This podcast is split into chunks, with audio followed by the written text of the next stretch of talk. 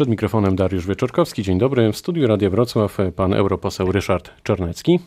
Witam pana, witam państwa bardzo serdecznie.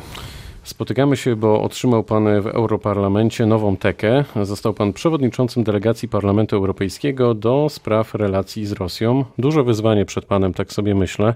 Od czego pan zacznie? To prawda, y, jestem pierwszym Polakiem w tej już 15-letniej y, y, historii polskiej obecności w Unii Europejskiej, w Parlamencie Europejskim, który mm, objął tę prestiżową, ale ma pan rację, mm, niełatwą funkcję. Zresztą też po raz pierwszy mamy sytuację, gdzie trzech Polaków objęło trzy kluczowe to ja do delegacje... tego za chwilę nawiążę. Ale od czego pan zacznie, panie pośle? E, no, po pierwsze od e, spotkań z e, przedstawicielami European External Action Service, czyli Unijnej Dyplomacji. Planuję spotkanie z ambasadorem Unii Europejskiej w Moskwie, ale także, uwaga, już nawiązałem kontakt ze przedstawicielami społeczeństwa obywatelskiego w Rosji, przedstawicielami organizacji społecznych, mediów niezależnych, tak aby ten kontakt na poziomie Unii Europejskiej nie był tylko z władzą Federacji Rosyjskiej, e, ale również y, właśnie z tymi Rosjanami, którzy czasem mogą myśleć inaczej niż władza. No właśnie, a wie pan, co powiedział pan e, premier Rosji Dmitrij Miedwiediew ostatnio a propos no. Unii Europejskiej, że kontakty w tej chwili Rosji z Unią Europejską są na, tu cytat, poziomie zerowym. Rosjanie znani są z tego, że, że mm, y, y, tego typu tekstami zaporowymi usiłują twardo negocjować. Ich strategia od lat polega na tym, że chcą pokazać poszczególnym rozgrywającym playmakerom w Unii Europejskiej, typu Niemcy, Francja, a no, w jakiejś mierze również y, kraje y, trochę mniejsze, ale też istotne w wymiarze gospodarczym, jak chociażby Włochy, Holandia, że y, bardziej tym państwom się opłaci utrzymywać dobre relacje bilateralne, dwustronne z Moskwą, a nie występować jako Unia, a więc chcą niejako podzielić E, Unię Europejską, żeby nie występowała jako UE28 czy UE27 po Brexicie, e, tylko żeby tutaj każdy sobie rzepkę skrobiał, no bo w tym momencie na zasadzie divide impera e, Rosjanie mogą ugrać więcej niż gdyby rozmawiali z całym blokiem reprezentowanym E, przez 28 państw i przeszło 500 milionów ludności. No właśnie, to teraz e, inaczej jeszcze pana zapytam, jak Rosjanie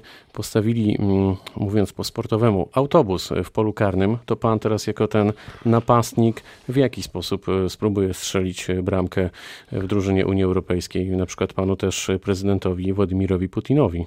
No, y, można strzelać z rzutu wolnego ponad autobusem albo pod nim E, jak pan e, zna piłkę, a pan się piłce zna, mówiliśmy o tym przed rozmową e, na antenie, to pan wie, że w różny sposób można przechwycić bramkarza, chociaż pan prezydent Putin raczej woli judo niż e, futbol. To żeby mm. pana nie powalił tam w tym polu karnym. No wie pan, ja też trenowałem e, judo, więc tak bardzo się nie boję.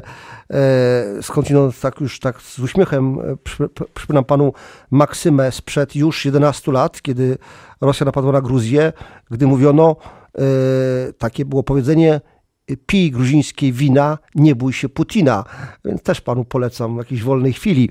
E, a już tak całkiem poważnie, no to y, oczywiście jest tak, że pamiętam lekcję, y, którą odrobił bardzo dobrze pan prezydent Lech Kaczyński świętej pamięci, który potrafił spowodować, żeby Unia Europejska jako taka w czasie prezydencji niemieckiej, gdy był szczyt w Samarze w Rosji, szczyt Unia-Rosja, który się odbywał zwyczajowo, e, żeby Unia Europejska wtedy wystąpiła w imieniu Polski w kontekście e, no, embarga na mięso z naszego kraju do Federacji Rosyjskiej. Więc tutaj jest rzeczą bardzo ważną, żebyśmy w tej sprawie, w relacjach e, z Rosją, chociaż nie tylko, grali w jednej unijnej drużynie, bo dzięki temu Polska może ten instrument y, unijny, Unii Europejskiej jako takiej wykorzystać dla swoich interesów. Trochę pan właśnie wyprzedził moje następne pytanie. Jak by pan określił nasze relacje, nasze krajowe z Rosją w tej chwili? To są relacje, które mm, gospodarczo są niezłe, mimo oczywiście embarga. Niezłe, niezłe, bo węgiel sprowadzamy od Rosjan? Nie, bo jednak sporo rzeczy tam sprzedajemy, a czy sprzedajemy wszystko bezpośrednio, czy też mądre polskie firmy i sprytni Polacy robią to za pośrednictwem firm z krajów bałtyckich czy, czy Kazachstanu, bo różne rzeczy się pisze i mówi na ten temat, to już inna sprawa, byleby się polskie firmy, a przez to polska gospodarka dobrze miała. Natomiast myślę, że jest rzeczą istotną, że w tej chwili Unia zrozumiała, że takie nasze bardzo realistyczne myślenie, podejście wobec Moskwy, ono się sprawdza. Przedtem często mówiono, no wy przesadzacie, wy tacy jesteście nadmiernie nieufni, patrzcie przed pryzmat historii. No teraz po różnych doświadczeniach, które spotykały Brytyjczyków na przykład ze strony Rosji, to takie bezceremonialne poruszanie się y, i próby zabijania obywateli brytyjskich rosyjskiego pochodzenia, czy rezydentów, mm, którzy tam mieszkali od lat, mm, y, to jakby pokazuje, mm, że to Polska i kraje bałtyckie miały w tej kwestii rację. No i to, że sankcje są co pół roku przedłużane y, przez Radę Europejską w Brukseli, ba lista osób, członków władz Federacji Rosyjskiej, które są na czarnej liście się nawet poszerza. No to jakby pokazuje, że tutaj to polskie myślenie zwycięża i że Unia Europejska dość często, a przynajmniej częściej niż kiedyś, patrzy na, na wschód polskimi oczyma. Jednocześnie za kontakty w imieniu parlamentu z Białorusią będzie odpowiadać pan Robert Biedroń, no a za relacje z Ukrainą pan Witold Waszczykowski. Będziecie panowie ze sobą współpracować? No to jest oczywiste.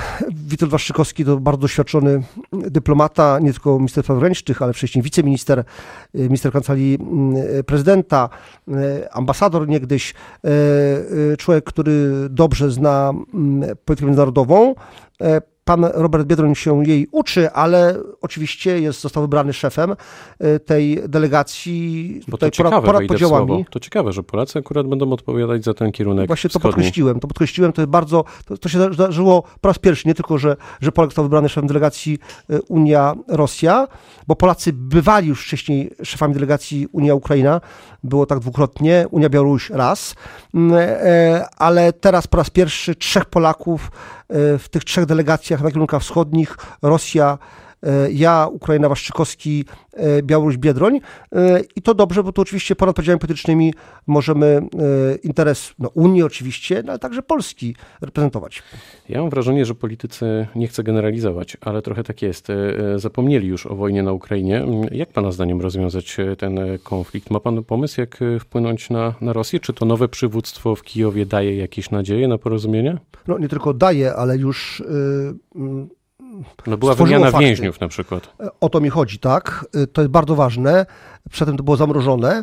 Mm, tutaj nowy prezydent Ukrainy potrafi można powiedzieć, łączyć ogień z wodą w jakimś sensie, ponieważ z jednej strony ma świetne relacje z administracją amerykańską, znacznie lepsze niż jego poprzednik, pan Poroszenko, a to wynika z tego, że Poroszenko stawiał panią Clinton, y, Trump to pamiętał mm, y, i pamięta, natomiast y, Zełenski tego przyrzeczenia nie ma, natomiast jednocześnie on to, co obiecał w kampanii prezydenckiej, wyborczej, dotrzymał. To znaczy, po pierwsze, zostali zwolnieni E, nie wszyscy, ale już, już szereg więźniów e, ukraińskich i też rosyjscy jeńcy zostali przekazani stronie rosyjskiej. W związku z tym no tutaj nastąpiła pewna odwilż, to dobrze. No, druga kwestia to realne zawieszenie działań wojennych. Ten, mam wrażenie, że ten format normandzki, jak to się mówi, czyli a Rosja, Niemcy, Francja, Ukraina, Y, no, nie jest do końca efektywny, mm, jak widać, nie jest do końca skuteczny y, i myślę, że tutaj trzeba bardziej w, y, zaprosić do działań w kontekście pokoju za naszą dalszą wschodnią granicą i USA, i Unię jako taką, a więc także na przykład Polskę i kraje bałtyckie. Wydaje się, że o lekkiej odwilży możemy też mówić w kontekście Rosji, gdy myślimy o opozycji, bo Rosja też ma swoje problemy, a raczej Władimir Putin. Myśli pan, że może dojść niebawem do jakiegoś przełomu? E, pan poruszył bardzo ciekawy wątek i za to dziękuję, bo generalnie jest przed nami, przed Unią Europejską taki dylemat. Czy my prowadzimy taką politykę bardzo ostrą wobec Rosji, ale w tym momencie ten no, reżim, jakby nie powiedzieć, się usztywnia także wewnątrz no i prześladuje e, także różne ruchy obywatelskie, niezależne media, chociażby media społecznościowe, e, aktywistów, czy też raczej raczej prowadzimy taką politykę, jak trochę prowadził Zachód wobec Związku Sowieckiego pod, pod, pod koniec lat 70., kiedy, że tak powiem, no tak e, można powiedzieć, e, dawał kawałeczek e, marchewki, jednocześnie wymuszając pewne, no, pewne większe swobody dla opozycji. Być może ta druga droga jest słuszna, należy to mocno przemyśleć. Za chwilę będziemy mieć e, dogrywkę, pozostając w tej e, nomenklaturze e, boiskowej, więc jeszcze pytanie o Janusza Wojciechowskiego, bo pan Janusz Wojciechowski ma za sobą przesłuchanie na komisarza do spraw rolnictwa. Jak wypadł pana zdaniem? Ma szansę na to stanowisko? Tak, ma szansę. Już dwoje kandydatów zostało zdyskwalifikowanych, zarówno mm, Rumunka, jak i Węgier, a więc przedstawiciele dwóch największych frakcji w Parlamencie Europejskim i socjalistka z Rumunii i przedstawiciele Europejskiej Partii Ludowej, tam gdzie PO-PSL, e, przedstawicieli Fidesu węgierskiego. Mm, natomiast no, Wojciechowski jest w grze, e, nie uzyskał poparcia e, no, bardzo wyśrubowanego dwóch trzecich koordynatorów, czyli tych osób, które z ramienia poszczególnych grup politycznych zajmują się problemem rolnictwa. Teraz przed nim odpowiedź na pytania, będzie miał termin 8-godzinny, a potem mm, może być, spodziewam się, że, że, że będzie e, ponowne jego wysłuchanie. Powiedział europoseł pan Ryszard Czarnecki, który był gościem rozmowy Dnia Radia Wrocław. Bardzo dziękuję za spotkanie. E, bardzo dziękuję za zaproszenie do tego prestiżowego radia. Pytał Dariusz Wieczorkowski. Dobrego dnia.